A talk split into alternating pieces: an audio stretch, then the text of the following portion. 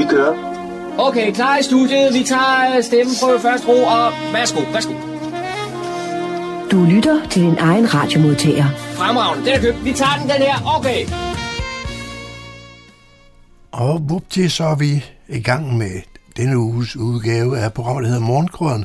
Velkommen til. Jeg hedder Kurt Kammersgaard og har fornøjelsen og skal bringe de forskellige indslag, vi har i dag. Og vi har meget øh, indslag, vi har meget snak, så derfor så skal vi skynde os i gang. Først skal vi lige høre en lille optagelse fra et interview fra Hjerteforeningen i Fredensborg. De har holdt her den 7. januar deres traditionsrige nytårsløb. Det foregik op i Slottsparken her oppe i Fredensborg. Vi har talt med formanden for Lokalforeningen, hun hedder Grete Rommer, om løbet og dens, øh, kan man sige, de deltagere, der var med. Det ligger vi ud med. Så har vi jo lokale nyheder. Det finder vi jo ind på humleborg.dk. Der kan I også bare gå ind, altså www.humleborg.dk og finde masser af lokale nyheder. Cyberværet har vi også med denne gang. Og så skal vi også have, have en lille snak, håber vi, at han kommer forbi med formanden for Fredensborg Jazzklub, fordi øh, de er nemlig klar nu med at skal afholde det nu her i næste måned. Årets første jazzaften, der blev afholdt nede på golfen hernede i Fredensborg. Så uh, lyt med, når han kommer forbi. Så hvornår det lige kommer, det ved jeg ikke noget, men øh, det kommer an på, når han dukker op, så får vi nok også plads til ham. Og så har vi også et, nyt, vores nyt for vores biblioteker, der, om deres kommende, øh, kan man sige, tiltag. Sådan, hvis det var det, jeg vil sige, tror jeg nok. Det er Julie Peter, Pedersen, Pedersen, der fortæller noget om, og det gør hun til Søren, der har haft en snak med hende, og om kommende tilbud og aktiviteter. Og der er noget med, der er noget, der går i gang allerede her i næste uge. Så man skal høre godt efter for at, at, at få fat i det hele. Og hvad har vi så mere? Jeg skal få en papir frem, så jeg kan huske, hvad der er, vi har med. Jo, så har vi øh, også 40 år ved Kongehuset. Det er Anke Andersen, der har været kammertjener først for kong Frederik den 9. og derefter over for hans kongelige højhed, prins Henrik, i sin tid. Og det er så del 2, vi skal bringe her i dag. For sidste søndag, der bragte vi jo det første indslag, og var med, med sjovere fortælling, kan man sige, fra den gamle, gamle konge Frederik. Her, her kommer så anden del her det, i dag, og det er den tid, hvor øh, det var øh, prins, øh, prins, prins Henrik, han var kammertjener for, og det var også noget af en udfordring, som han sagde, men det kan vi høre her sidst i udsendelsen. Så øh, indtil videre vil jeg bare sige rigtig hjertelig velkommen og god fornøjelse de næste to timer.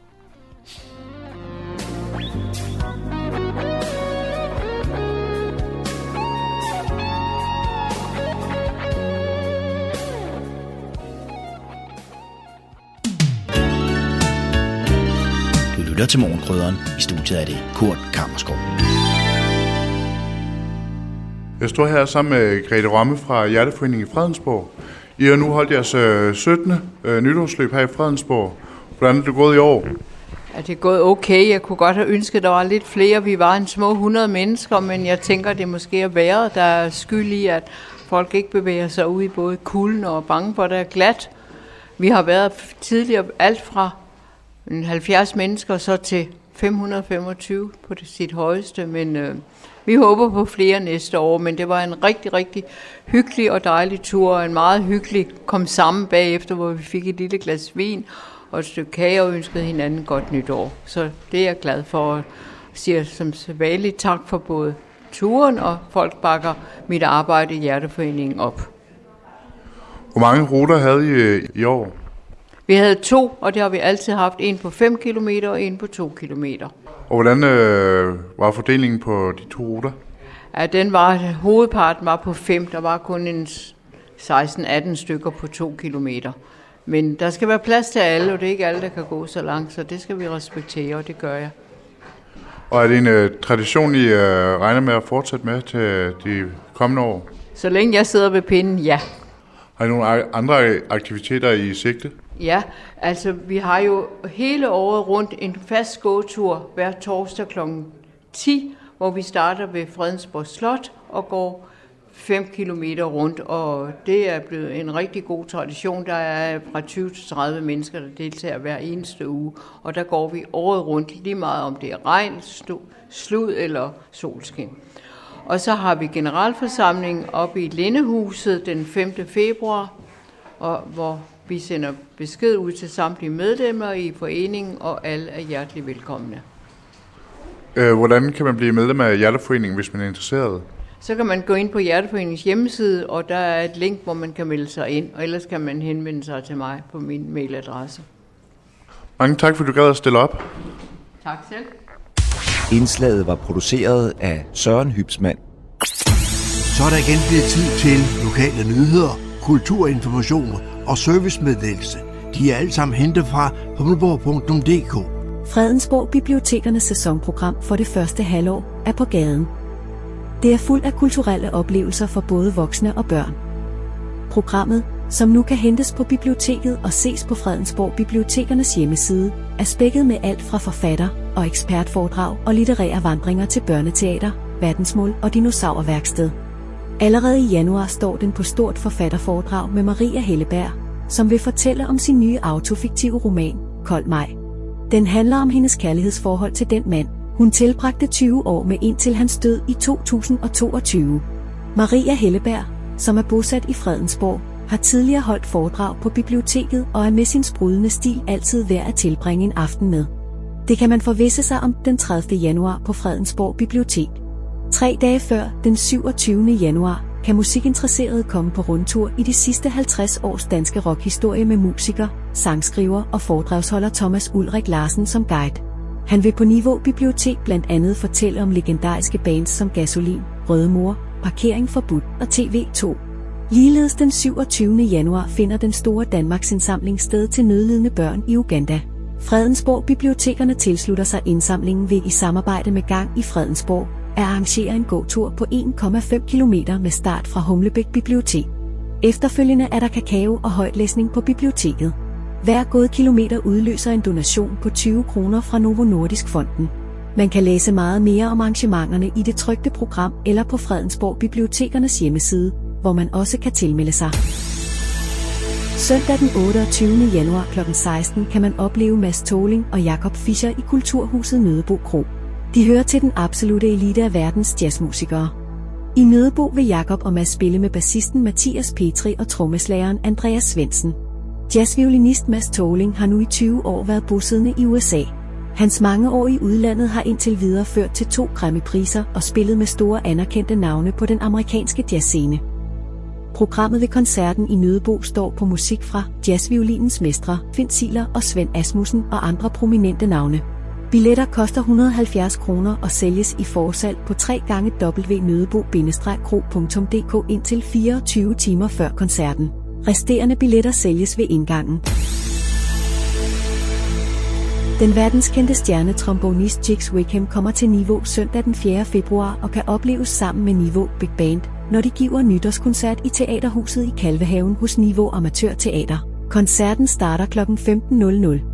Niveau Big Band sætter scenen med fejring af nytåret. Bandet og des dirigent har sammensat et jazzrepertoire med vidunderlige blæserklange og rytmer afstemt efter koncertens formidable gæstesolist. Dix fyldte 80 år i august.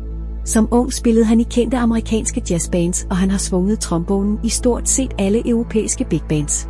Gennem 10 år dirigerede han desuden BBC Big Band. Dix er samtidig en charmerende showman, der ofte får smilet frem hos publikum. Det oplevede vi i 2022, da Dix første gang spillede med Niveau Big Band til en udsolgt efterårskoncert i Humlebæk Bibliotek. Forud for nytårskoncerten deltager Dix i fejringen af DR Big Bandets 60 års jubilæum. Som om det ikke er nok, har bandet fornøjelsen af at flankere Dix med deres faste sangerinde Anne Ditte Skibby. Med sin smukke stemme og naturlige autoritet fortolker hun Big Band Jazzens ikoniske numre, så tiden står stille med farver og fylde. Der er simpelthen optræk til en forrygende nytårskoncert. Billetter kan bestilles via 3 gange eller købes i døren. Det var, hvad vi havde for denne gang af lokale nyheder, kulturinformationer og servicemeddelelse fra humleborg.dk.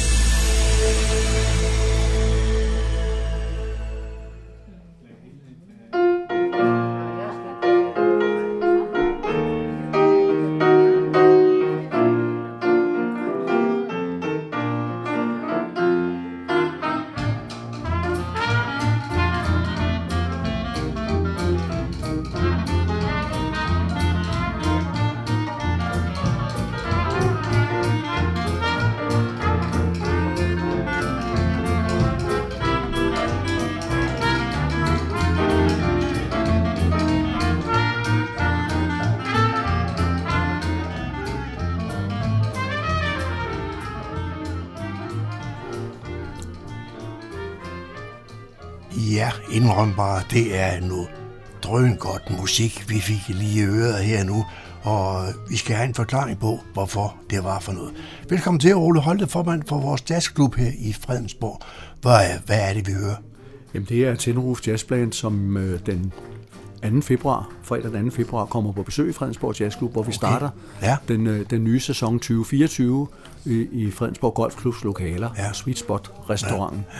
Men det lyder rigtig festligt. Gør det ikke det? Jo, men det er den øh, gode, traditionelle jazzmusik. Vi, Ja, ja, du- vi spiller hver gang, når vi har jazz i Fredensborg. Du plejer gerne at sige fadøst, ja. Det her, det Fodvarm fadøst Ja, jazz. fod- fod- Fodvarm fod- fadøst jazz. Ja, lige præcis. Man kan næsten lugte cigaretterne og, og lugte øllet, ikke også her? Ja, Ja, ja. det med cigaretterne er der ikke noget af. Det må man jo ikke mere, når man spiser. Nå, men, okay. men, men, øh, men, men det er rigtigt, der, det var det jo i gamle dage. Der ja. var man jo sådan et tæt røgfyldt lokale og fadøl på bordet og sådan Ja. noget ting. Men det er jo nu meget hyggeligt. Vel var det da så. Ja, Vel ja, var det så. Det var det jo i gamle dage, da vi var i biografen.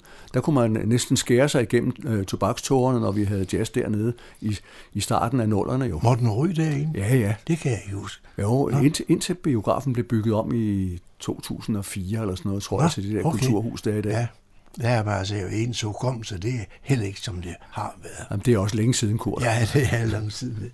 Det er lang siden. Øhm, Ole, du skal lige nævne, hvor er det hen, og hvordan får man fat i billetter, og hvad byder du på? Jamen, så vi byder jo på en god jazzmenu. Det større øh, Christine for i Swissbot restauranten hvor, hvor, man, øh, hvor man får to retters øh, menu fra kl. 17.30 og til kl. 19, og fra 19 til 22. Så det ikke er noget natteroderi, men 19 til 22, ja. så er der øh, tre sæt, som det hedder, Ja. ja. med jazzmusik, ja. med Tenerife Jazz Band. Hvad- Hvordan, har folk taget imod det her med, at man starter, kan man sige, så tidligt, og så går så tidligt hjem? Jamen det er faktisk et ønske fra, fra, fra deltagerne, fordi det er, jo ikke, det er jo ikke teenager, der kommer til jazz. Det er jo det modne publikum, jeg plejer at sige 60 plus. Ja. Og der vil, man, øh, der vil man faktisk gerne lidt tidligere hjem. I gamle dage, da vi startede jazzklubben, der spillede vi jo frem til kl. 24. Men, øh, men det er, jo det, det er jo det samme publikum, der var der for 25 år siden, Kurt. Ja. Og det vil sige, at, at de er blevet ældre, så nu vil de gerne lidt tidligere hjem, så vi har sådan gradvist hen ad tiden, øh, har vi rykket ja. sluttidspunktet. Okay, ja. Så, jamen, Og, sådan, og, sådan, og når sluttidspunktet er, er tidligere, så er vi nødt til at starte før. Så Ja, enkelt ja, er det jo. Sådan, sådan, er det, sådan er det jo, ikke også? Øh, jeg kan ikke huske, om- fik du sagt noget om menuen, eller den kender du ikke endnu? Jeg kender ikke menuen, fordi Nej. Det er jo noget, Christine ude i, Ja. ja. i golfklubben, altså Ja. ja. restauratøren, Ja. øh, finder ud af. Øh, så, men det, det plejer at være rigtig godt, det vi, vi, vi får øh, at spise Ja. Og det er jo en, en hovedret typisk, og så med, med en dessert bagefter. Okay. Og så kan man jo købe kaffe og kage, og selvfølgelig købe drikkevarer til, ja. til maden, om man vil have øl eller vin eller vand, eller, det bestemmer man jo selv. Man siger det, hvad er det, du plejer at sige, øh, drikkevarer til fordelagtige priser. Ikke Ja, det er det faktisk, ja. fordi det er, jeg synes, at det, det er til ganske rimelige priser, at øh, det er i restauranten. Ja. Ja. Vi var jo en periode på store kroer, det, jeg vil sige, herude koster drikkevaren kun det halve. Ja, nå, så det, okay. det, gør, det gør det jo så også lidt mere øh, om, hvad skal vi sige, omkostningsenkelt for, for de deltagere, der kommer til, til, til jazz derude. Ja. Men Storkro har alligevel, kan man sige, snuppet ideen, forstået på den måde. De har jo lige haft det der her før, var det før jul en gang, et stort jazzarrangement deroppe. Jamen, vi har, Ja. vi har, været, øh, har bistået Store Kro på gange med at lave, lave jazz på stedet. Der. Ja. Så, så det, det er rigtigt. Altså.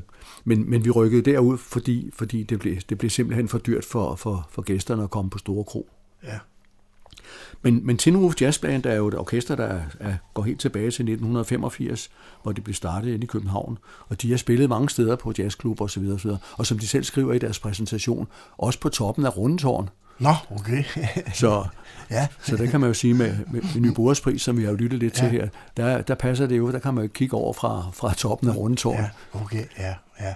Øh, men det er jo ikke det eneste, I byder på, kan man sige, i dagsklubben her i løbet af foråret. Vel, det kommer også mere endnu, det kommer længere frem. Ja, vi har, vi har to arrangementer mere i forårssæsonen, nemlig den 1. marts med Scandinavian All Stars, og den 12. april med The Spirit of New Orleans. Ja. Men det kan man alt sammen læse på Jazzklubbens hjemmeside, som er en del af Radio Humleborgs hjemmeside. Man, man går simpelthen og skriver humleborg.dk-jazzklubben. Ja. Eller går ind på Humleborgs almindelige hjemmeside, og så op for øverst, der står der Jazzklubben, så klikker man der, ja. så kommer man samme ja. sted hen. Der står alt, både om øh, hvem der spiller, og informationer, og også om, hvordan man deltager med at købe billetter og, og så videre. Jeg falder over det, du sagde, Scandinavian All, All Star, var ikke det, du sagde? Jo. Kan, Scandinavian All Stars, All Stars de gamle, ja. de gamle ja. stjerner. Men er det ikke noget med, at det er sådan nogen, der, der er håndplukket Jo. er lidt over fra, fra, fra, fra, fra, fra, lidt fra flere der? forskellige orkestre, Ja. lige præcis. Jo. Og, Og det er så- faktisk et orkester, der, der er, er dannet for at deltage ved festivalen nede i Dresden, den store internationale Dixieland Festival, som Ja, er hvert okay. år i maj. Ja. Og øh, der har The Spirit of New Orleans været dernede mange gange, men de må, det samme orkester må kun komme hvert andet år. Nå, okay, og så har ja. man for at kunne komme derned en gang om året, fordi Ja. der har været stor søgning også fra gæsterne om at komme derned og, og have et orkester med, så har man dannet Scandinavian All Stars Nå, okay, så, så til det formål. De, Ja. Så de kommer de andre år, når, Ja. når Spirit New Orleans ikke er dernede. Ja, ja, men man omgås jo tingene, ikke også? Men det er der ikke nogen, der har fundet ud af endnu. Det fungerer. Det fungerer Folk- fint, Ja, det ja. fungerer, for så er det bare et andet, et, et andet navn. Ja. Der, er så, der er så genganger i Spirit of New Orleans og, Ja. og Scandinavian Stars med, med Preben Nissen i front, som mange kender, ja, så, så, gør det, så gør det jo ikke så meget. Nej. Men i øvrigt, hvis man skal have billetter til arrangementet, Kurt, den, den 2. februar, så ringer man bare til mig på 20 67 52 25. Ja. Så skal jeg nok sørge for, at det hele falder på plads. Mm, ja. Lad os bare gå tilbage til og så tænke på, hvordan det kan komme til at lyde, ikke også? Og du siger, at det er datoen, skal vi lige have en gang til. Fredag den 2. februar kl. 17.30. Døren ja. åbner kl. 17. God. Tak. Ole, tak fordi du kom. Selv tak.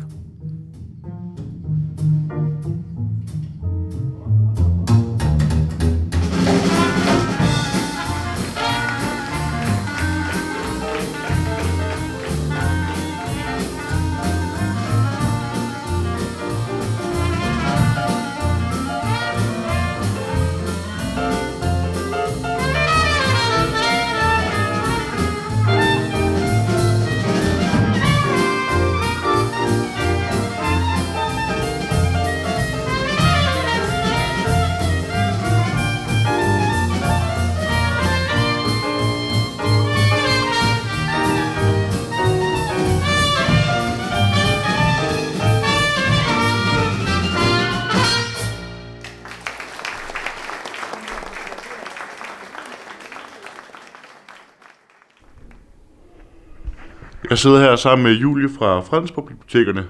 Kan du fortælle noget om øh, de faste tilbud, I har på skemaet? Det kan jeg i hvert fald. Vi har, ligesom vi plejer, så har vi lektiecafé, som foregår på Niveau Bibliotek mandag og onsdage, og det er fra klokken 14 til 16.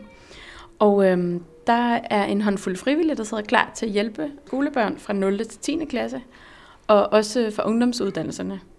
Øh, Så det hvis man har brug for hjælp til blandt andet matematik og dansk og sprogfag osv., så, så kan man komme derhen og, og få en øh, god vejledning. Og der vil være lidt øh, forfriskninger i form af noget frugt og vand, hvis man er der. Lektiecaféen den er gratis, og det kræver ikke tilmelding, man skal bare møde op på dagen. Og øhm, så har vi på Humlebæk Bibliotek hver tirsdag fra kl. 10 til 12, der er der barselslegestue. Det var det, vi før kaldte fars legestue, men nu er det så lavet om til, at det både er mødre og fædre på barsel, der kan komme med deres børn.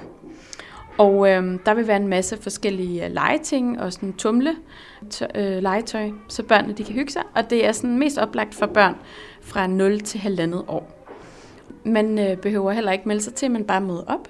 Og det er et samarbejde mellem Fredensborg Bibliotekerne og så Sundhedsplejen. Så har vi også hver tirsdag øh, IT-café, og det foregår på Humlebæk Bibliotek kl. 14.30 til 16.30. Og på Niveau Bibliotek er det også tirsdage, og det er kl. 14 til 16. Og øhm, der kan man altså komme, hvis man har brug for hjælp til sin smartphone, tablet eller sin bærbare computer. Og der sidder også nogle virkelig dygtige frivillige, som er klar til at sidde og hjælpe med forskellige spørgsmål. Dog kan man ikke få hjælp med opsætning eller installation af software og hardware. Men ellers så kan man bare komme med alle sine spørgsmål. Kan du fortælle noget om øh, de kommende aktiviteter, I har? Ja, det kan jeg i hvert fald.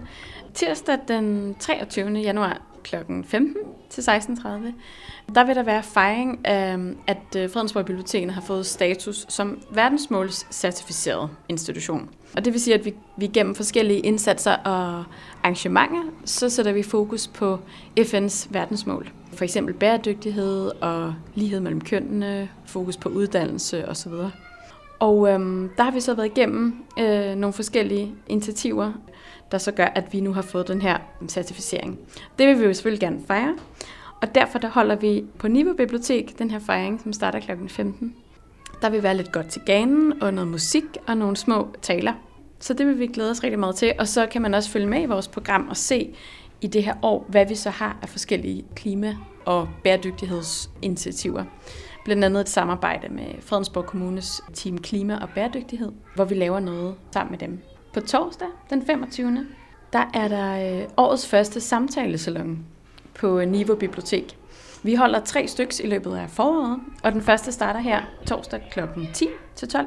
Og øhm, det er jo et arrangement, hvor vi sætter fokus på kunsten at tale sammen og lytte på samtalepartneren. Så vi finder på et tema og laver spørgsmål klar, så det er sådan en faciliteret samtale, kan man sige, hvor man kommer til at skifte partner i løbet af de her to timer og tale med, med hinanden om forskellige spørgsmål, som vi har lavet på forhånd. Og det plejer at være mega hyggeligt, og man plejer at få nogle super fine og tankevækkende øh, samtaler ud af det. Så det glæder vi os til at skyde i gang. Og emnet her på torsdag, det er vrede. Samme dag, torsdag den 25. om aftenen, der har vi vores første arrangement i år, og det er en strikkeworkshop med Lærke Bakker, som hedder Knitted Out. Og det starter kl. 17.30 på Fredensborg Bibliotek. Det er et samarbejde med øhm, Garnværk, som ligger på gågaden, som er en, øh, en strikkecafé og, og butik. Og det er anden gang, at øh, Lærke Bakker hun kommer og gæster biblioteket. Og øhm, det her det er så en decideret workshop, øh, hvor man skal hvor man lidt bliver udfordret i, hvordan man tænker strik og farver og håndarbejde generelt. Man skal selv øh, medbringe nogle strikkepinde eller hæklenåle, og så forskellige slags øh, restgarn. Og Lærke Bakker, hun er jo lidt et, et, øh, et strikkefænomen og modikon efterhånden. Hun er uddannet tekstildesigner øh, med speciale i håndstrik fra The Royal Danish Academy of Fine Arts. Og, øh, og hun er kendt for ligesom at forny dansk strik og måden, vi tænker strik og stil på. Så det bliver en, øh, en super festlig og hyggelig workshop, og øh, hun vil undervejs fortælle lidt forskellige anekdoter og, og så videre. På lørdag, den 27. Der øh, har vi der er der øh, børnenes Danmarks indsamling. Og det øh, er noget, vi også markerer på Fredensborg Bibliotekerne. Og kl. 10.30, der øh, åbner vi op for, at hele familien kan møde op på Humlebæk Bibliotek og øh, så derfra er der så en fælles øh, vandring, hvor man så støtter øh, Danmarks indsamlingen 2024. Og øh, der er fokus på at samle ind til børn, øhm, og det er et samarbejde mellem Fredensborg Bibliotekerne og Gang i Fredensborg. Så ruten den er på omkring halvanden kilometer, og det er sådan, så hele familien kan sagtens være med, og man kan da også have barnevognen med. Det er ikke mere kopieret end det. Og efter gåturen, så er der kakao til børnene, og der er også en af vores børnebibliotekarer, som læser højst, højt. Og øh, det er sådan, at hver kilometer, man går, det giver en donation på 20 kroner fra Novo Nordisk Fonden, som så går til Danmarks indsamlingen. Og så bliver det den 3. februar afsløret i DR's store indsamlingsshow, hvor mange kilometer øh, Danmarks børn til sammen har gået. Så det skal man helt klart melde sig til, øh, eller troppe op og, og være med til, øh, sammen med hele familien. Samme dag, lørdag den 27 der har vi øh, en, øh, det, vi kalder en fortællekoncert med Thomas Ulrik Larsen, som starter kl. 11 på Niveau Bibliotek. Det er gratis, og øh, det bliver en tur rundt i den danske rock for de seneste 50 år. Så øhm, det er musikeren Thomas Ulrik Larsen, som er sangskriver og har boet i Niveau i mange år, som vil tage os rundt i, i de forskellige danske rockhjørner, hvor han øh, fortæller lidt om, hvorfor de forskellige sange har en betydning for ham, og så vil han spille de her sange også. Kan du fortælle noget om øh, jeres øh, læsekreds? Ja, det kan jeg. Vi har forskellige slags læsekredse. Vi har nogle læsekredse, som kører af sig selv, som, som selvstændigt kører, og det, der kan man altid henvende sig på de tre biblioteker og spørge ind til, hvornår de ligger, og om der er plads osv. Og så har vi altså også fra hver sæson en, nogle læseklubber, som vi starter op. Og øh, tirsdag den 23. januar, øh, der starter en læsekreds op, øh, som handler om nyere Nobelprismodtagere. Det er en læsekreds, der foregår over tre gange med en måneds mellemrum, og det er på Fredensborg Bibliotek. Øh, man skal melde sig til, for der er begrænset pladser, og det er så de samme, der kan komme med fra gang til gang, og det er gratis. Og det er så en læseklub, hvor vi dykker ned i værker fra Nobelprismodtagere. Vi har blandt andet den tanzanianske forfatter Abdul Razak Guna, og, øhm, og hans bog Paradis. Så er der franske Annie Arnaud med årene, og norske Jon Fosse med det andet navn. Og øhm, de øh, andre mødegange, det er så den 20. februar og den 19. marts. Så har vi også en læseklub, øh, som handler om hekse. Det starter onsdag den 31. januar kl. 10 til 11.30, og det er på Niveau Bibliotek. Og øhm, der er det den her ikoniske kvindeskikkelse, altså heksen, som vi så dykker ned i, for både øh, gammel og ny litteratur. Øh, og det bliver eventyret Hans og Grete øh, fra Brødrene Grimm. Og så er det også Olga Ravns nye roman, der hedder Voksbarnet. Og øh, Nana Gols Heksens Alfabet, som vi skal læse. Og øh, de to andre gange, øh, hvor læseklubben mødes, det er den 6. i 3. og 10. i 4. Så er der en læsekreds, der hedder Nyt Nordisk, som foregår på Humlebæk Bibliotek og starter op den 8. februar kl. 10. Og øhm, det er en læseklub, hvor vi dykker ned i nyere nordisk litteratur gennem tre forskellige værker. Den første, vi skal læse, er Eden af islandske Ada Audur Ulofsdottir. Og øhm, vi skal også læse Detaljerne af den svenske forfatter Ia Genberg. Og den sidste bog, vi skal læse, er Elven af Rosa Liksom fra Finland. Og øh, de to andre gange, vi mødes, er den 14. i 3. og den 11. i 4. Der er også en læseklub, som hedder Højtlæsning og Samtale, som dykker ned i, i det format, der hedder Guided Fælleslæsning. Det foregår over tre tirsdage på Humlebæk Bibliotek, og er også gratis, og det starter op den 27. i 2. kl. 13. Det er altså en af bibliotekets uddannede læseguider, som hver gang læser en novelle højt, og som guider samtalen. Og det er ikke øh, noget, man skal have læst på forhånd. Man møder simpelthen bare op og får det læst højt, og så taler vi sammen om teksten. Og øhm, det kræver ikke nogen særlige øh, litterære færdigheder. Det handler simpelthen bare om at fortælle om, hvad, hvilke tanker teksten sætter i gang. Så det er en ret spændende fælles litteraturoplevelse, man har sammen der. Og øhm, de to andre gange, vi mødes, det er den 26. marts og 30. april. Der er også en læseklub, som dykker ned i alle de gode klassiske værker. Og den starter op den 28. februar kl. 16 på Fredensborg Bibliotek. Og det er øhm, end, end øh, ja, øh, de her klassiske værker, som jo kan det her unikke med, at øh, de er skrevet for mange, mange år siden, men, men rækker rigtig meget ind i, i fremtiden og i, i vores øh, tid, vi lever i nu. Så der vil tit være en masse ting, man kan relatere til, fordi det er sådan almengyldige temaer, der bliver hævet fat i der. Og øh, den klub mødes også den 3. 4. og den 22. 5. Øh, den sidste læseklub, vi har, er øh, torsdag den 29. 2., hvor øh, Videnskab i litteraturen øh, klubben starter op øh, kl. 13 på Humlebæk Bibliotek. Og det er altså en læseklub, hvor vi læser nogle øh, værker, som, som har fokus på nogle af de store naturvidenskabelige øh, genier, som har været gennem tiden. Og det er øh, værker, som handler om Niels Bohr, H.C. Ørsted og Marie Hammer, som hver især virkelig har gjort sig bemærket på den danske videnskabsscene. Og den læseklub mødes også den 28. marts og den 25. april. Indslaget var produceret af Søren Hybsmand. Du lytter til morgenkrydderen. 40 år ved kongehuset. Det er foranværende kammertjener Anker Andersen, der fortæller om sin tid i kongehuset. Anker Andersen var først kammertjener hos hans majestæt kong Frederik den 9. og derefter hos hans kongelige højhed prins Henrik. Vi nu kommer til den del af historien, hvor vi skal fortælle og høre noget om overgangen fra det at være kammertjener hos hans kongelige højhed prins Henrik. Ja, selve, selve overgangen, den var, kan jeg godt sige, ret stor.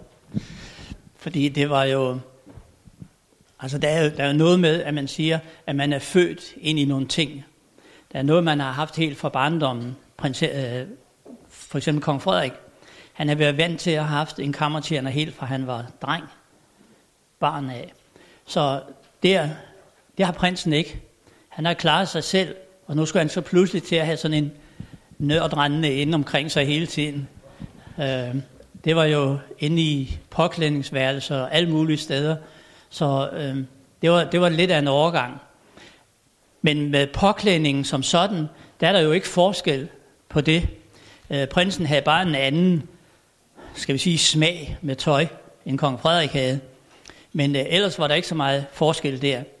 Øh, selve det der med at, at kalde og lægge tøj frem og sørge for det forskellige, det, det var nøjagtigt det samme, som jeg havde lært over hos, eller jeg gjorde det i hvert fald, som det jeg havde lært hos øh, kong Frederik. Så selve det med at kommunikere, der gjorde vi jo det, at øh, i starten, der var det mest engelsk. Øh, jeg kunne ikke stavelse fransk. Så det var engelsk. Og øh, så senere, så gik vi over til dansk, og så udelukkende dansk. Så er der nogen, der siger, jamen, øh, hvorfor er han ikke bedre? Ja, øh, det er han altså ikke. Så, og det kommer af, jamen, jeg, jeg har følt det på min egen krop, fordi øh, det med at skal øh, gå fra fransk til dansk, øh, lige så vel fra dansk til fransk, det er svært. Og det er meget sværere, for nu er der nogen, der sidder og siger, ja, men Alexandra, ja, men se, hun går fra engelsk til dansk, og det er nemmere. Det er mere beslægtet. Jeg kan give et lille eksempel. Jeg kommer ind på det senere, men jeg var i, i Frankrig. Jeg har været dernede gennem 13 år, og hvad det, der var jeg nødt til at lære fransk. Fordi jeg stod, jeg havde penge med, jeg havde rigtig mange penge med. Det var mig, de spurgte om, når de skulle bruge nogle penge. Så, så jeg havde sådan lidt styr på, hvad de brugte. Men øh, så øh, dernede, der skulle jeg så også ud og handle. Og så var vi noget personale dernede også. Og øh, så var jeg nede ved slagteren i Lysés, en lille landsby, der ligger lige ved siden af Kajs. Øh, det er sådan en slagter, der stod med cigaret her. Han røg selv med. Øh, han stod i slagterbutikken. De har lidt andet syn på det. Øhm, og der stod sådan noget lækkert kød på disken. Og jeg gør ham forståelig, at jeg vil gerne have øh, øh, et kilos penge af det. Så jeg tænkte, så er der til krebinetter og til sådan lidt forskelligt. Og øh, da han så har pakket det ind, og jeg havde så købt nogle øh, entrecôte og sådan noget til øh, herskabet derinde. Og så siger han til mig, kigger han sådan på mig, så siger han øh, på fransk, ikke? hvor stor er egentlig den hund, siger han så. Så var det hundemad, jeg havde købt. Så, så det var... Det, så der, der, kan man, der, der kan man se, at man skal passe på, hvad det er. Så jo, det, er, øh, det var lidt svært, men øh, vi kom der over det. Lige så vel som øh, en dag med sproget også igen, øh, prinsen, vi er inde på Amalienborg, og prinsen siger til mig, øh, ah ja, Andersen, vi spiser ude i dag. Fint, altså, jeg, tak for det. Og han går, kører ud og skal spille tennis og så videre, og jeg går ud, og så ringer jeg ned til vores køkkenchef, Grete Pedersen, og siger Grete, der er ingen frokost i dag. Hej, fint, siger Grete. Nå, så kommer de hjem, og prinsen han klæder om, og så går jeg, jeg skulle selvfølgelig vente på, at han kom tilbage fra tennis, og han fik så noget andet tøj på. Og øh, jeg gik så ud øh, i anretterværelset og var ved at lave klar til om aftenen. så ringer det derudefra, og så øh, kommer jeg ind, og så siger prinsessen, ja, undskyld Andersen, øh, er frokosten ikke klar? Så siger jeg, nej, der skal det er den ikke. Hvorfor, siger hun så. Så siger jeg, jamen øh, prinsen sagde, at vi skulle spise ude. Så siger prinsen, ej, ja, ja, men det var ude i haven, sagde han. så, så, så der måtte vi så, der måtte vi så have, have ringet ned til øh, Lumskebugten dernede ved havnen, og, og spørge, om de ikke kunne øh, anrette to frokoster. Og så kørte de derned og spiste frokost. Så, så det, er, det kan godt være lidt svært. Ja. Med fasanjagter, ja. Ja, for mit vedkommende. Øh, jeg skal selvfølgelig sørge for, at han har sit jagttøj i orden, at han har jagtgeværene, øh, de er gjort i stand, og så han har nok patroner med. Fordi øh, det er sådan, at øh, jeg får at vide, hvor meget der er skudt de forskellige steder, og så ved jeg også, hvor mange kasser han har haft med ud på jagt. Og så kan jeg derudover se, at hvis han skal til Julesberg på Fyn, jamen så skal han have to kasser med. Skal han på Tranekær, jamen så skal han have tre kasser med. Ikke? Og sådan er det forskelligt. Så, så øh, en gang kom han hjem over fra øh, Fyn af, og så siger han til mig, ah, Andersen, næste gang, så skal jeg have tre kasser med. De gav mig kun én. Ikke? Så der var for lidt patroner. Så han måtte låne sig frem, og det er jo ikke så godt. Så, så det, det, det skulle man sørge for. Så alt det der. Og øh, jagt, for eksempel, hvis det var nede på Letterborg, jamen der var det så sådan, at øh, jægerne, de tog afsted klokken, sådan siger ved 9 om morgenen, deroppe fra, her fra Fredensborg, det er gerne her, vi holder jagterne. Og så, når klokken var hen ad 10, så halv 10 så nogle gange, så kørte jeg fra Fredensborg sammen med en øh, sølvkamperbetjent eller en leverist, og så en fra køkkenet. Og så havde vi pakket øh, stationkaren med drikkevarer og sølvtøj og mad og hele. Og så kørte vi ned til en spejderhytte nede ved Letterborg.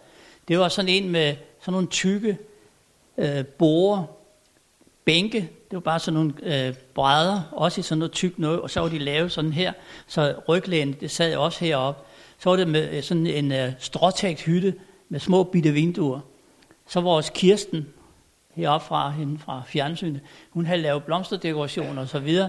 Så kom vi derned, og så dækkede vi op med sølvtøj og lysestager, blomsterdekorationer og det hele, og hvid du på anretterbordet derhen, og det hele var stillet op, og øh, når de så kom ind, ja, så var der lys. Jeg kan huske, vi kom det, den første gang, vi var dernede, så kom en af skovløberne, og kom så ind, og så lukker han sådan lige op, og så kigger han, der var der lys i hele foretagendet, og så siger han, ej, det må sgu være forkert, det er gået her, siger han, så lukker han døren igen.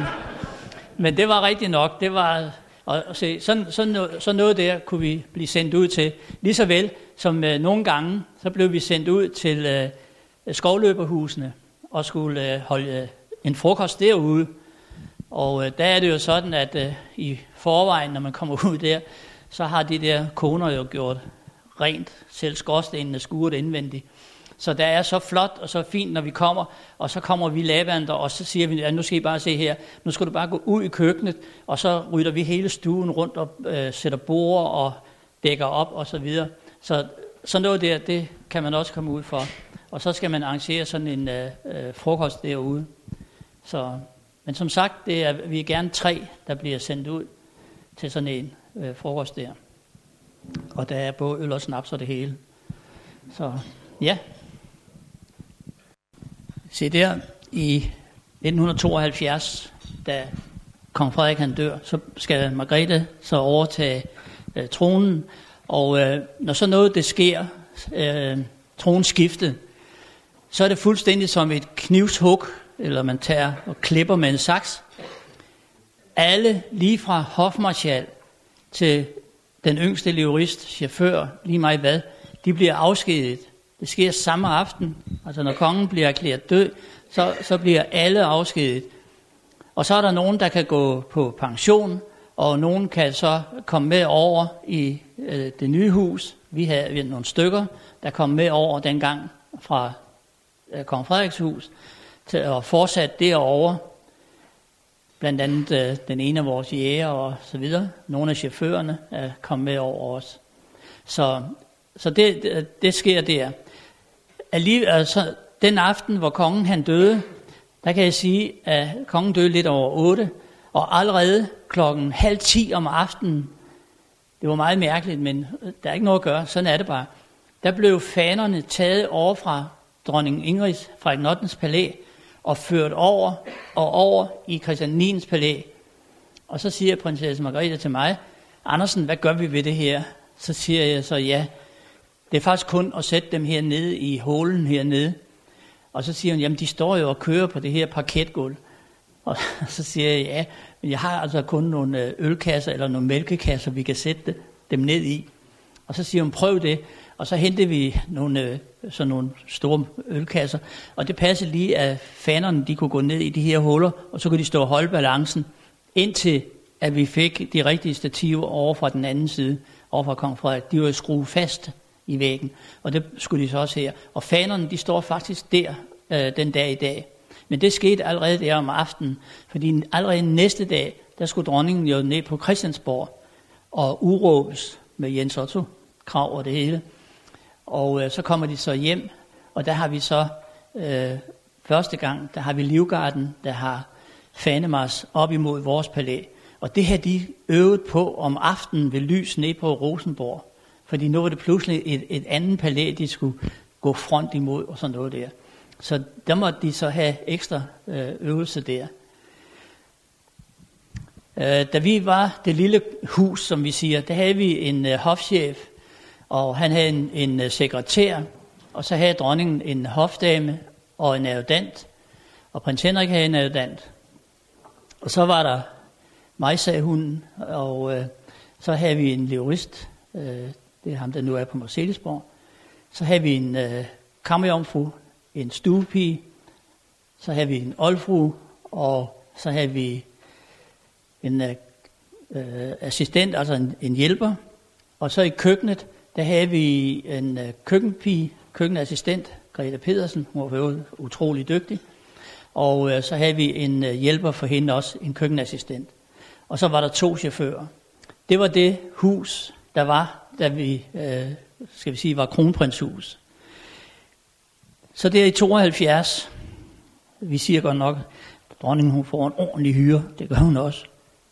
Men øh, i 72, der blev der så ansat en hofmarschall, kabinetssekretær, kontorchef, to kontorassistenter, en kontorbetjent, ceremonimester, økonomichef og fire kontorassistenter, øh, og så en kontorchef over i øh, hofmarslatet, og så er der tre assistenter, så en jagtkaptajn, en adjutantstabschef, fire adjutanter, fire hofdamer, en øh, sekretær og en sekretariatschef, en øh, hofrøger, en hofrøgerassistent, og dertil kontorbetjente, og en kammerjomfru, kammertjener, tafeldækker. Så var der to sølvkompetente, Så var der stuepiger, to styks. Så var der to jæger, to løber, fire jurister, tre svejser, en stalmester, seks stalfolk, en vognmester og syv chauffører. Så var der en køkkenchef og en køkkenchef assistent, plus en assistent. Så har vi, har vi heroppe på Fredensborg en fuldtids tapisserer og en sygepige. Så har vi to malere, vi har to snekere, og så er der nu fire damer i vaskeriet. Så har vi Amalienborg, der har vi en oldfru, og så er der alt derinde, der er seks damer helt. Så har vi Fredensborg, der er en oldfru og fire damer. Så det har vi sådan, øh, det øh, som dronningen kan trække på. Og så er der nogen, der siger, at det er mange. Jamen det er det også. Men dronningen har jo mange forskellige ting, sådan som kabinetssekretariatet, det tager sig udelukkende af alt det juridiske. Alt, hvad der har med statsministeriet at gøre og sådan noget der, det er øh, kabinetssekretæren. Øh, hvis vi nu siger, at ikke for, I skal ikke tro det. Men hvis vi nu siger, at kronprinsen skal et eller andet nu, det skal han ikke, men altså hvis vi nu siger det, så, øh, så skal det gå igennem, så skal det gå igennem øh, øh, kabinetssekretæren og ned til øh, statsministeren, og så skal det forelægges dernede, Og så skal vedkommende godkendes dernede først, selvom skal selvfølgelig også godkendes af dronningen og prinsen, det er klart. Men det skal også godkendes dernede. Man kan se, hvor svært det er, øh, fordi for øjeblikket, der skal der være et bryllup i Holland. Og øh, der, øh, brudens far må ikke komme med til brylluppet, fordi han har haft øh, noget ikke så godt dengang, at øh, han var venner med en diktator. Så derfor så vil de ikke se ham til brylluppet. Så kronprinsen dernede skal føre sin egen brud op ad gulvet, hvor det ellers skulle have været faren. Og noget lignende kunne man tænke sig kunne ske herhjemme, men øh, sådan er det ikke. Øh, for mit vedkommende, der var en, der spurgte om, om mit job, det var det samme ved prinsen. Og det er det sådan, eller var det sådan set, fordi øh, jeg stod jo for alt indkøb af toiletgrej, øh, tandpasta og alt muligt. Og øh, jeg havde hans kontokort, så jeg havde frit slag. Nej, det havde jeg ikke, fordi øh, når jeg havde lavet nogle regninger, så blev de forelagt over på økonomikontoret, og så kom de tilbage til prinsen, og så blev de så attesteret der, så han kunne se, at han havde fået de varer, som jeg havde købt. Men øh, en dag, jeg var inde i Ilum, så havde jeg været hen og handle, og jeg havde selvfølgelig købt lidt rigeligt, fordi jeg skulle have forskellige ting, øh, både her til Fredensborg, til Dannebro og til Aarhus, fordi øh, man kan lige så godt købe stort ind, og så have fordelt det ud, og så have det liggende, som man ikke skal rende der. Så jeg havde både barberskum og hårskum og alt muligt de forskellige steder. Men jeg, havde, jeg gik så ud, og pludselig så kommer der sådan to vagter op på siden af mig, og siger, undskyld her, kunne de ikke lige til at følge med herind? Og jeg kan godt sige, jer, hvis I ikke har prøvet det, det er Saxo mobile. Fordi alle de står og kigger, ej, nå, nu er ham der, nu har han taget noget, ikke? Så, men jeg sagde, jeg var have rent med i posen, så jeg sagde, det er jo, jeg kommer med. Og vi gik så ind på kontoret, og så siger de øh, til mig, ja, der blev ringet over fra parfumeafdelingen, at der var en herre, der havde handlet, og han så sådan ud. Uh, han har handlet på prinsens kontokort. Så siger jeg, ja, det har han også. Så siger han, nå, siger han så, du tager det meget roligt, siger han så. Så sagde jeg, ja, det gør jeg. Og så måtte jeg så tage min øh, øh, legitimationskort. Vi har sådan et adgangskort til øh, de forskellige huse her med vores billeder, hvor der står kammertjener det og det, og så har man adgang til de forskellige. Så det er sådan en legitimation, man har. Så det viste jeg ham. Og så siger han, så må de meget undskylde. Så sagde han, det er helt i orden. Men altså, der, der havde man lige reageret og tænkt, det var en, der var ude med snøren der. Men øh, det var nogle af de ting. Og samtidig med, så når vi skulle ud på statsbesøg, så, så øh, sker der det, at øh, hofmarschallen og ceremonimesteren, de rejser i forvejen og ud og aftaler med de pågældende præsidenter, eller hvem det er, konger, øh, hvad øh, de kunne tænke sig at vise vores regentpar, når de kommer ud til det pågældende land. Og lige, lige så vel, så har de nogle ønsker med, fordi dronningen og prinsen sætter sig sammen, snakker om, hvad de kunne tænke sig at se, når de kommer ud. Lige så vel som øh, erhvervsfolkene, som også er med, der er gerne sådan en handelsdelegation, der følger med, fordi dronningen er jo en god repræsentant på det område der, og ligesom kan øh, lave lidt publicity. Så de følger med, og øh, de som med ude sammen med der og, og hvad skal man sige, forberede sådan et officielt besøg. Så derfor der er der gerne nogle øh, udstillinger og sådan noget forskellige steder. Og det er ikke altid, at dronningen og prinsen de følges af, når de er ude. Nogle gange så går dronningen for eksempel på et hospital eller på en øh, kunstudstilling, øh, og prinsen han er ude og se noget erhverv eller sådan noget der. Så det, det er lidt forskellige. Der, der øh, skal vi så pakke kufferterne. Og så er der nogen, der siger, jamen får man nu det hele med? Jamen det skulle man gerne have, men øh, der sker det, at vi har et fuldstændigt program, når vi rejser hjemmefra. Og det er så nøje tilrettelagt, at vi har sådan noget med 5 minutter og så videre, øh, 10 minutter. Øh, de kører fra det og det sted, og ankommer der klokken det og det, og er hjemme klokken det. Og så opholder de sig på hotellet eller præsidentboligen i x antal minutter, og så skal de ud til en middag. Sådan, har det, sådan kører det fuldstændig. Og øh, inde i de der øh, tidsrum, der er der, når vi er ude på officielle rejser, så har vi mulighed for at kan komme ud og se noget. Så det er ikke sådan, at vi, når vi er ude på de der ture, ikke får set noget. Men guden skal vide, at jeg har været ude på nogle ture, hvor jeg kun har set mit hotelværelse, og så har jeg været nede i lobbyen og op igen. Så det kan også lade sig gøre. Men øh, mange gange, de fleste gange, der er det sådan, at vi øh, kan komme ud og se noget. Men øh, som sagt, der må ikke mangle noget som helst, når vi er ude på de der ture der. Hverken ordner eller noget andet. Så har jeg også deltaget i ambassadørmodtagelser. Og øh, der har vi gerne, når vi er for eksempel her på Fredensborg, så siger vi gerne, at vi tager dem i bunder. Og det med, med fem af gangen.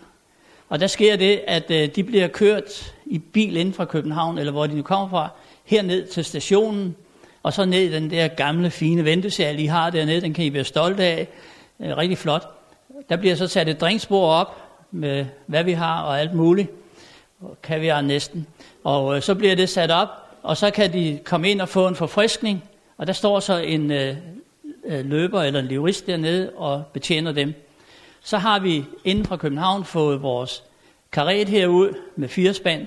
Gardehusaren er her. Og så bliver øh, ambassadøren kørt her igennem Fredensborg og op til slottet. Der står hofmarschallen op på trappen sammen med en jæger og en livrist eller en løber. Og så bliver ambassadøren ført ind igennem gardesalen, ind i kuppelsalen, og der står så nogle gardehusar og nogle gardere og præsenterer. Derfra går ambassadøren så videre ind i havesalen, hvor så øh, hofdamen og kabinetssekretær øh, jagtkaptajn, slotsforvalter, ceremonimester, alle de der embedsmænd, vi har, de står stillet op, og så bliver han præsenteret for dem. Fordi der sker jo det, at senere hen, både til fester og mange gange, så bliver vores øverste inviteret ud på ambassaderne, så de skal ligesom kende hinanden. Så går han så hen imod øh, døren der, hvor ind til dronningen, der står så en vagthavende øh, kammerherre. En kammerherre, det er en af dem med nøglen her på venstre bagdel. Og øh, han står derhen med sådan en stav. Og der var det så mit job at stå hen ved den dør, og så gå, når jeg så, at han kom hen og hilste på kammerherren, så gik jeg ind og sagde til dronningen, hvis nu for eksempel var fra England, så sagde jeg, deres majestæt, ambassadøren for England, og øh, så rejste dronningen sig igen. Hun sagde enten og læste, eller, og så gjorde hun sådan her. Og øh, så gik, gik hun så her, øh, hen, og så stillede hun sig midt på tæppet der. Og så gik jeg hen, og så når jeg så, hun stod, øh, så der var lys på hende, så gik jeg ud og sagde til hofmarschallen, at nu var dronningen klar. Nu var der sådan en sølvhøj.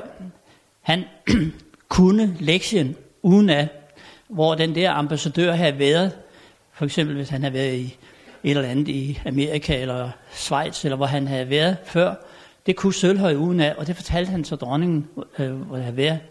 Men øh, Haslund her, han er smartere, fordi han tager den her sæl, og så har han sin hat med, og det lægger han så sælen ned i hatten, så står han med den her, og så kan han stå og læse det. Så, så det, han er meget smartere. Så han, øh, han kan altid afgive den korrekte, så der er ikke noget. Når det så er gjort, så kommer han ud igen, og der lukker jeg så døren op, og så går ambassadøren ind og øh, går hen til dronningen, og så står de og snakker lidt. Så giver han øh, dronningen sin akkreditiver, og dem tager hun så, og så står de lige og sluder. Se, mens alt det der foregår, der står jeg med døren sådan på klem, sådan her, bare sådan en spræk, fordi vi har ingen, vi har ingen dørspioner deroppe, så jeg må stå der og glå ind af det her øh, spræk der. Og så, når han er færdig der, nogle gange, så må dronningen sådan ligesom, nu, nu, nu er det nu. Så, så må han gå, og så, når han kommer hen mod døren, så lukker jeg op.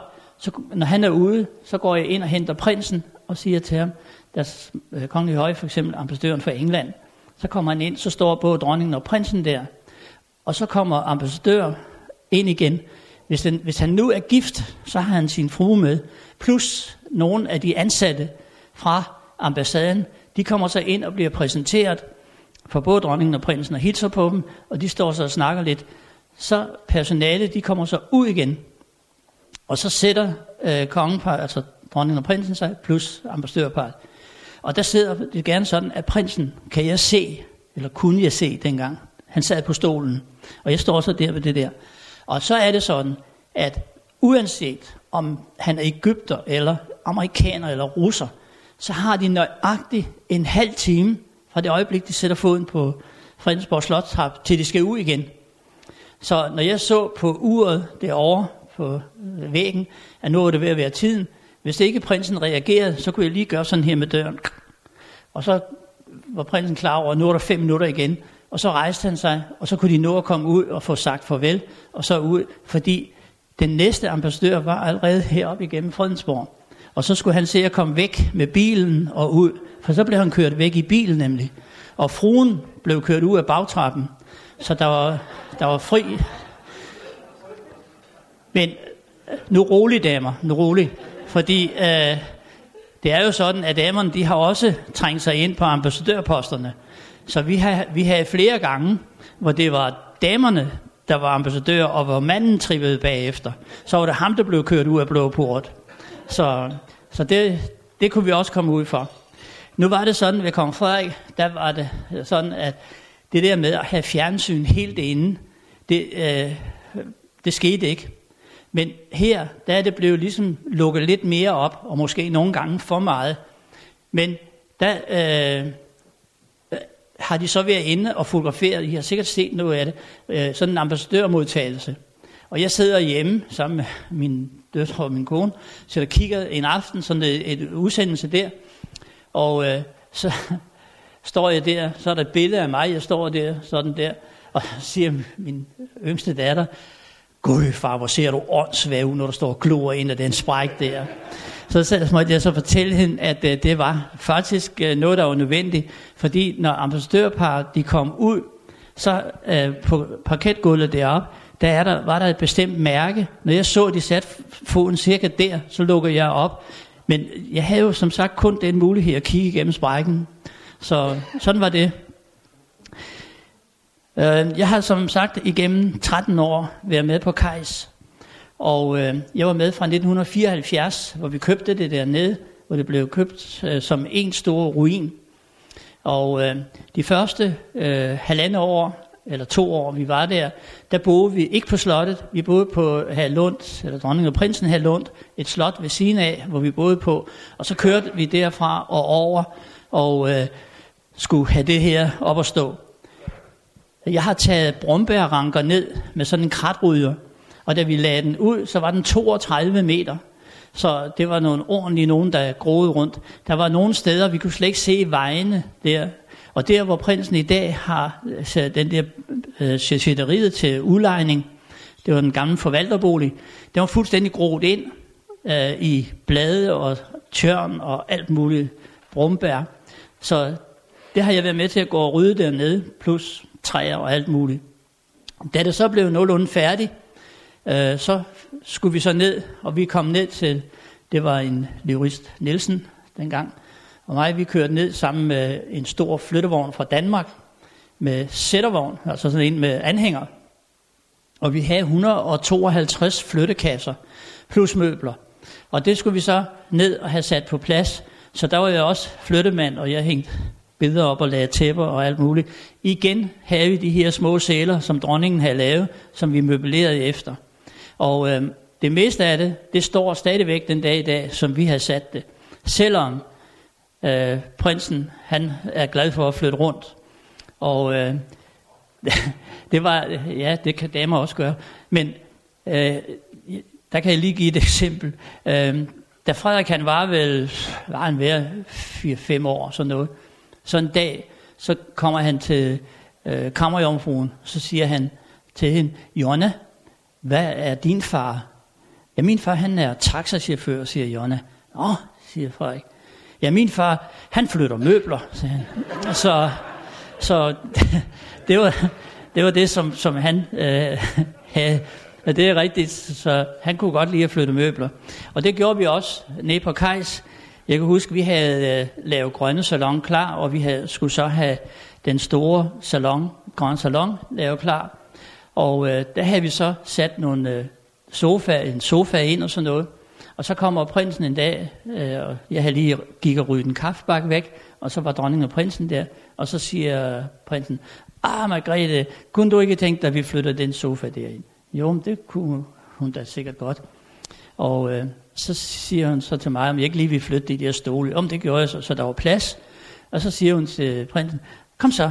Og så siger han så, ah, jeg har så ondt i ryggen, siger han så. Så siger dronningen, ej, kom nu. Nej, han har ondt i ryggen. Så siger hun til mig, hvad med dem, Andersen? Kan de klare den? Jeg vil deres majestæt. Og så stod vi for hver sin ende, og så dukker vi ned, og så talte dronningen 1, 2, 3, sagde hun, og så løftede vi den her sofa, det var en stor hvid en, og så flyttede vi den så, kommer hen, den skulle så ind til den grønne, og øh, så står prinsen ind, og han griner.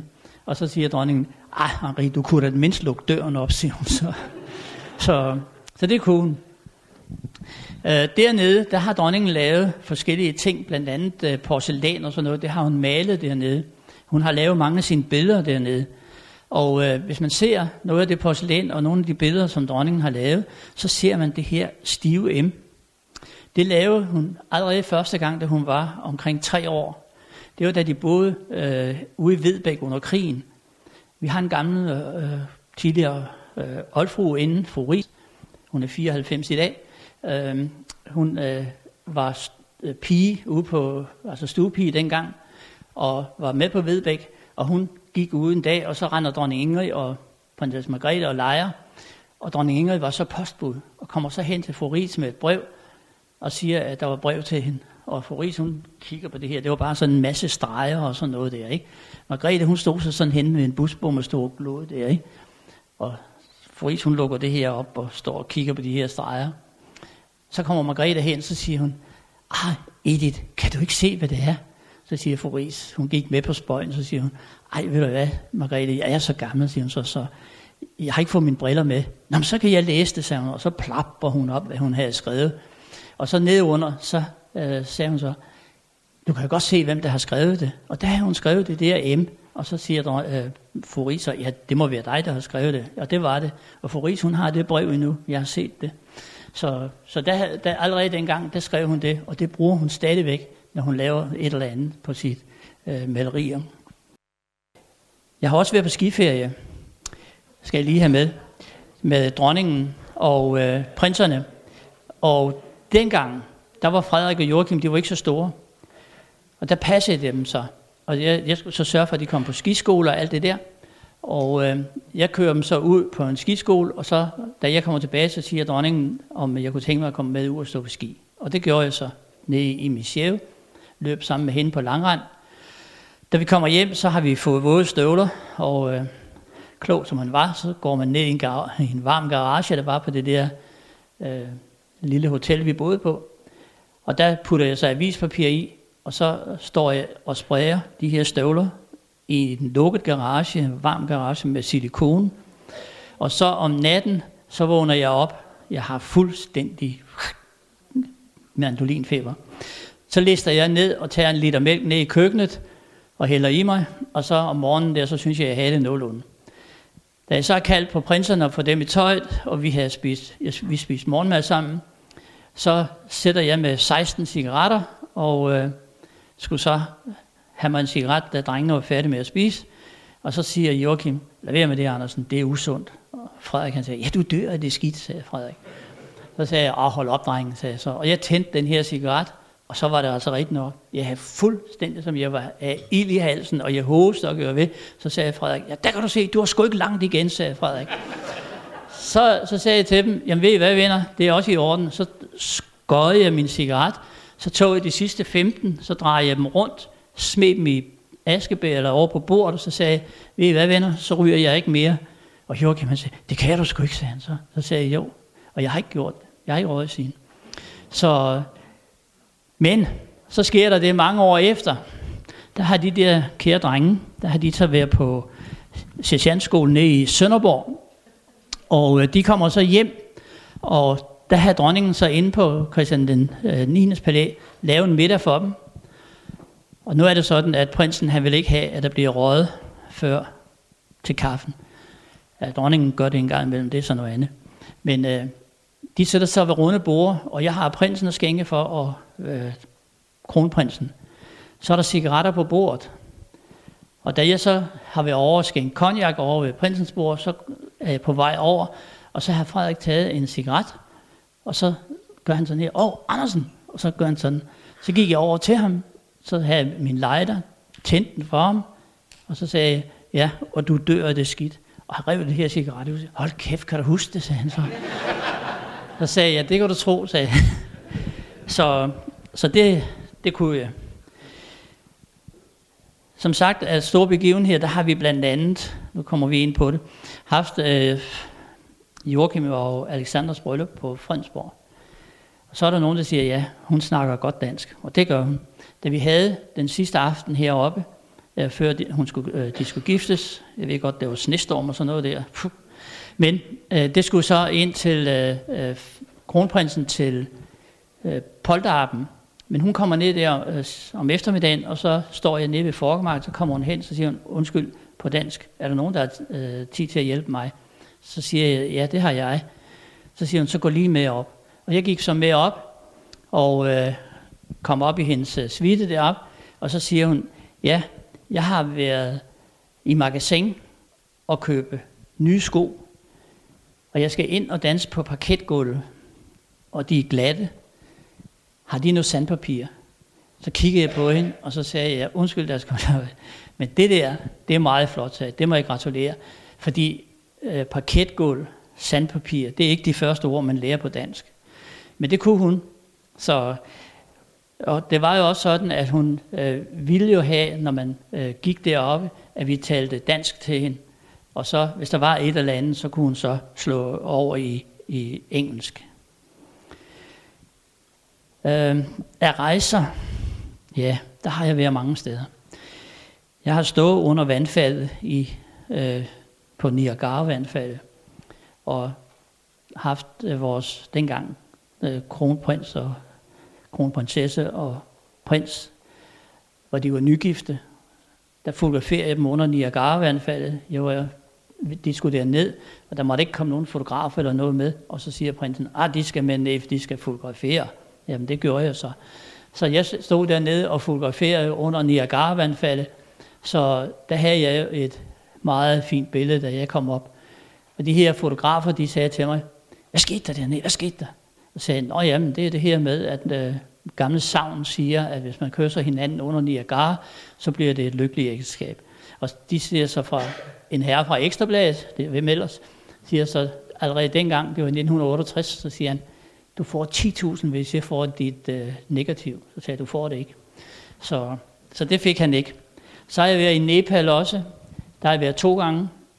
Og øh, første gang jeg var dernede, der øh, boede vi på sådan et stort Rana-palads lige op til øh, Mount Everest. Og øh, en dag så kommer Dr. Amundsen, som vi har med som læge, så siger han, vil du ikke med ind i byen og se det derinde? Jo, men jeg vil godt med ind til Kathmandu. Og jeg, vi tog så ind, så kommer vi ind til sådan et tempel, der ligger lige ned til floden. Og øh, så siger han, da vi går ind, så siger han, nu må, nu må du ikke røre ved væggene, fordi øh, der er meget sygdom her. Javel. Vi gik så ind, og så kom vi ind, så var der sådan nogle afsatser hele vejen rundt. Og der lå folk. Øh, og der kom så pårørende, kom så og gav dem mad og sådan noget. Og så havde de kun nogle af de her medicinmænd, der sad med aske og alt muligt over sig. De sad lige udenfor og gik sig ind og kom med nogle mærkelige lyde og over de her mennesker. Når de så døde, så blev de båret ud af øh, de andre indgang, eller udgangen der, lige ned til floden, og så blev de svøbt i nogle klude, eller sådan nogle hvide øh, tøjstykker, og så blev de lagt med fødderne ned i vand, og så skulle de ligge der, til fødderne var vasket rene, fordi de tror på reinkarnation dernede, og man går ikke op til et nyt liv med snavsede fødder. Det, det skal man huske, det gør man ikke.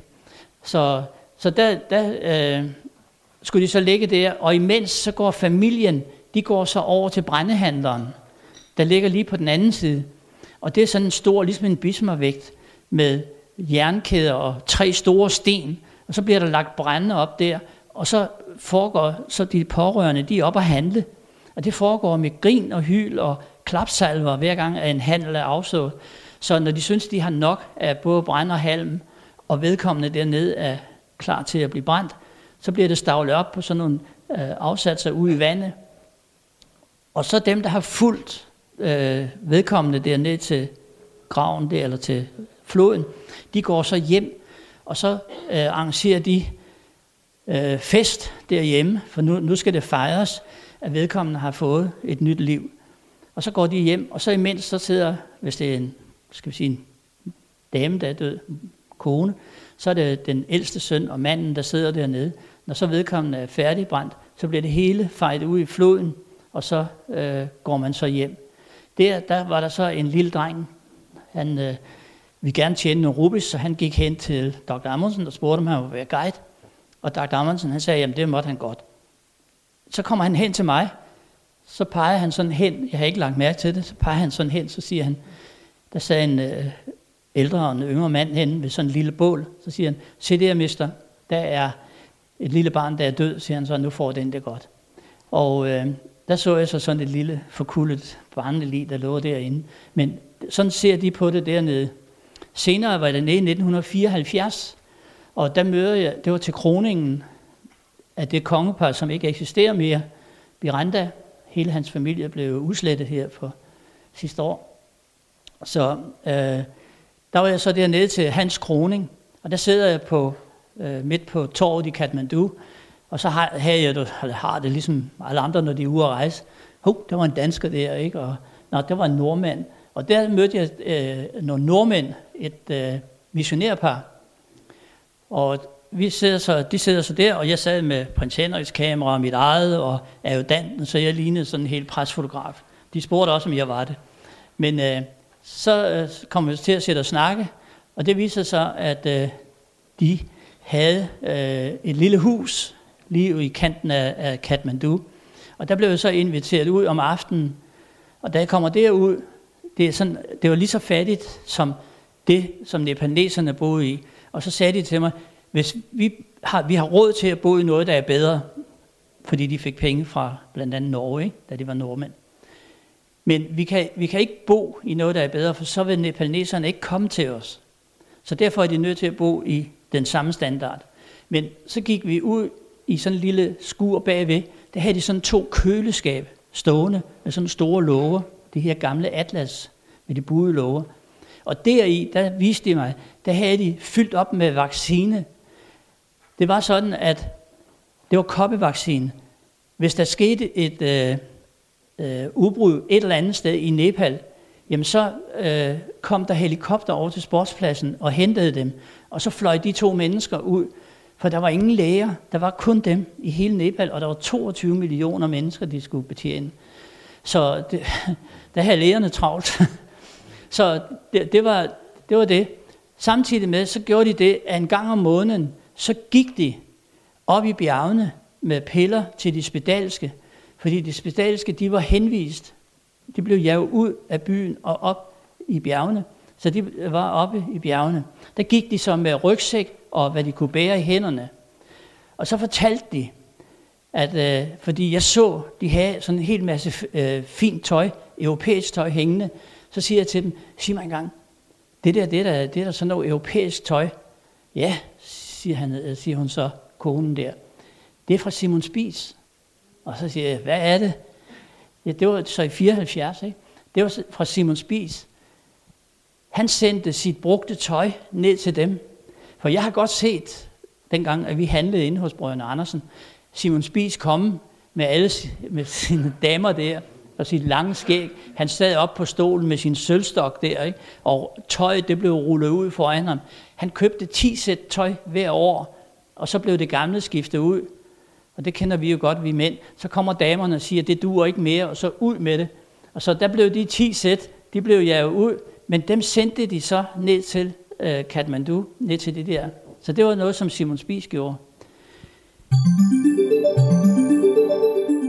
Er kontaktløse betalinger sikre? Cyberværet med IT-sikkerhedseksperten Leif Jensen.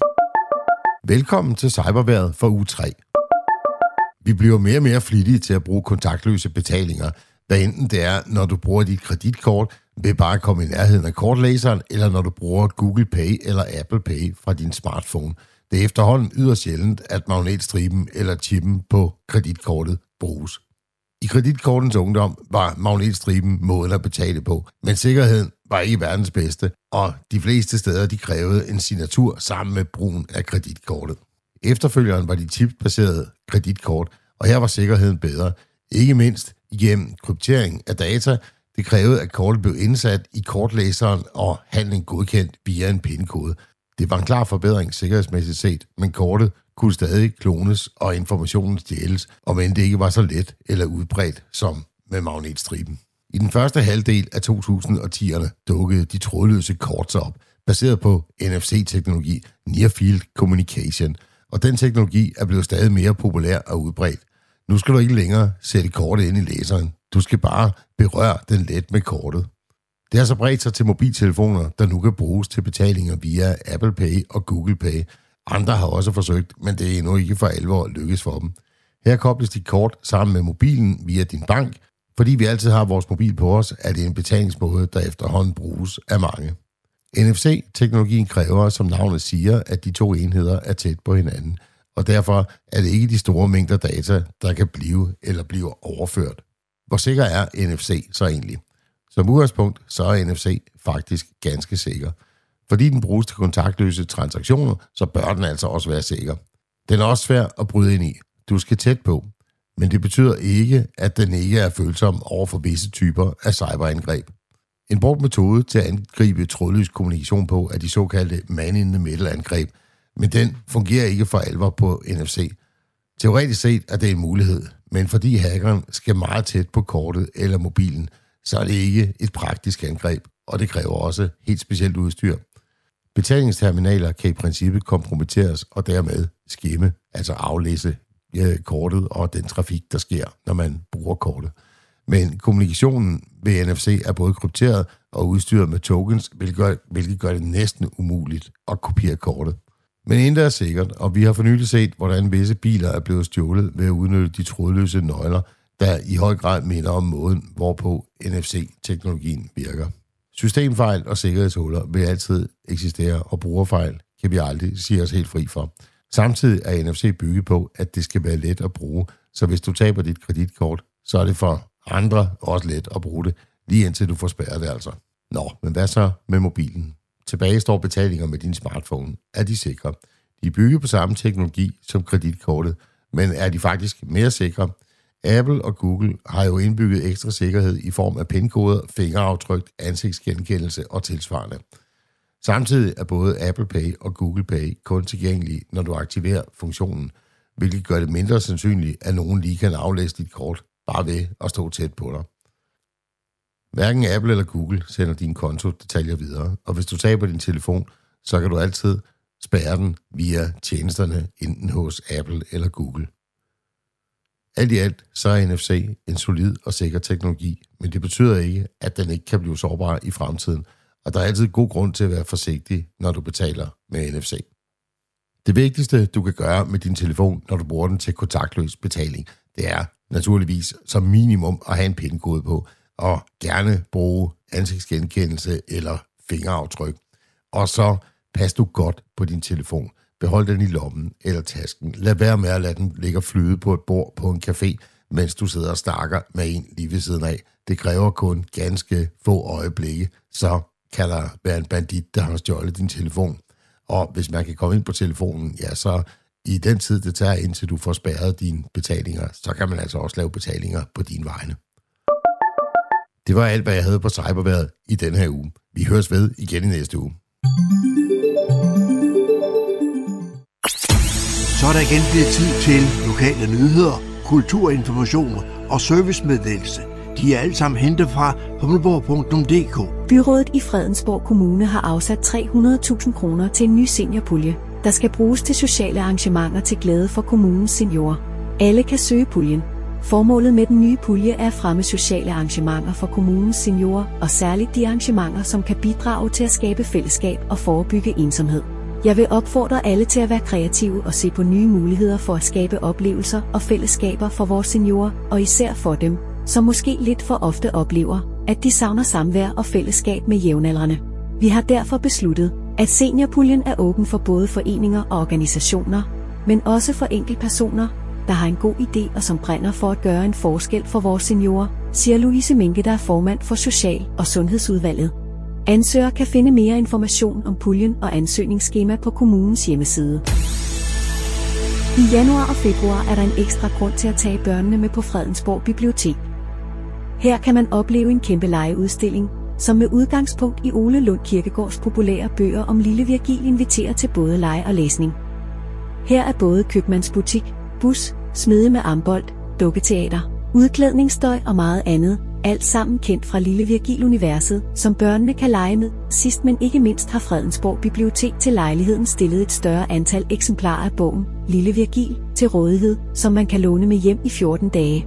Udstillingen med Lille Virgil er en del af konceptet, Fang fortællingen, som er en samling litterære udstillinger for børn, skabt af danske folkebiblioteker i samarbejde med professionelle udstillingsdesignere. Udstillingerne rejser rundt til biblioteker og skaber sanselige litterære oplevelser for børn og unge i hele landet. I de næste par år er det meningen, at Fredensborg Bibliotekerne skal være vært for yderligere en række fang fortællingen udstillinger. Allerede nu kan besøgende på Niveau Bibliotek opleve en større cirkeline legeudstilling, som Fredensborg Bibliotekerne selv har bygget. Sidste chance for at se udstillingen med Lille Virgil på Fredensborg Bibliotek er den 28. februar. Fredensborg Jazzklub er klar til sæsonpremiere i restaurant Sweet Spot på Fredensborg Golf, Skovsvinget 25 i Fredensborg. Det er Tin Move Jazz Band, som indleder sæsonen, som er fredag den 2. februar kl. 17.30, hvor der startes med en dejlig to-retters menu. Kl. 19-22 spiller Tin Move Jazz Band herlige jazztoner, så der kommer gang i dansegulvet. Bandet spiller happy jazz med et klassisk musikrepertoire krydret med svenske og danske jazztoner. Tin Move Jazz Band blev dannet i 1985 på initiativ af trompetisten Bjørn Folbrecht, og bandet har siden underholdt tusindvis af glade mennesker med den traditionelle fodvarme jazzmusik. Bandet spiller happy jazz og har et klassisk musikrepertoire, der er krydret med svenske og danske jazztoner. Bandet har spillet på luksushoteller, selskabslokaler, jazzklubber og bodegaer og endda på toppen af Rundetårn i København. Orkesterets fem medlemmer er følgende Bjørn Folbrecht på trompet, Lars Grangård på klarinet, Geo Forbat på piano, Ole Olsen på bas og Jan Søfte på trommer. Entré inklusiv middag koster 325 kroner. Og bestilles hos Jazzklubbens formand Ole Holte på telefon 20 67 52 25 eller på e-mail olesnabelagholte.net. Læs mere om Jazzklubben på www.humleborg.dk-jazzklubben. Det var, hvad vi havde for denne gang af lokale nyheder, kulturinformationer og servicemeddelelse fra humleborg.dk.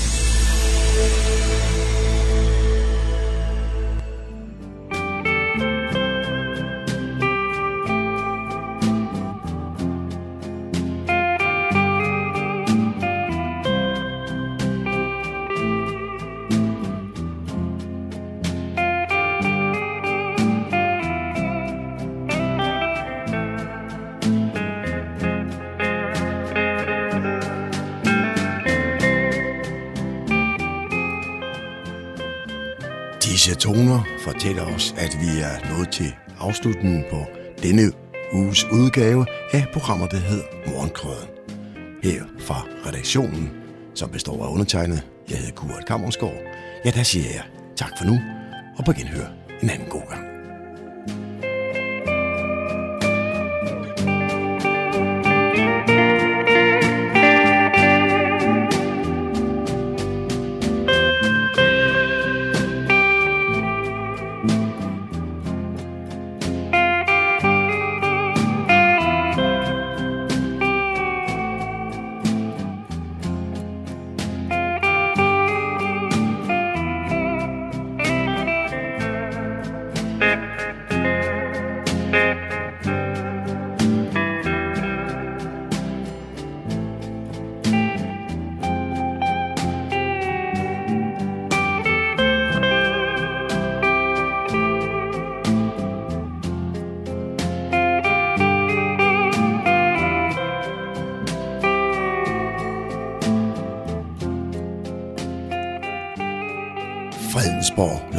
Radio, Radio Humleborg, Nordsjællands mest voksne lokalradio.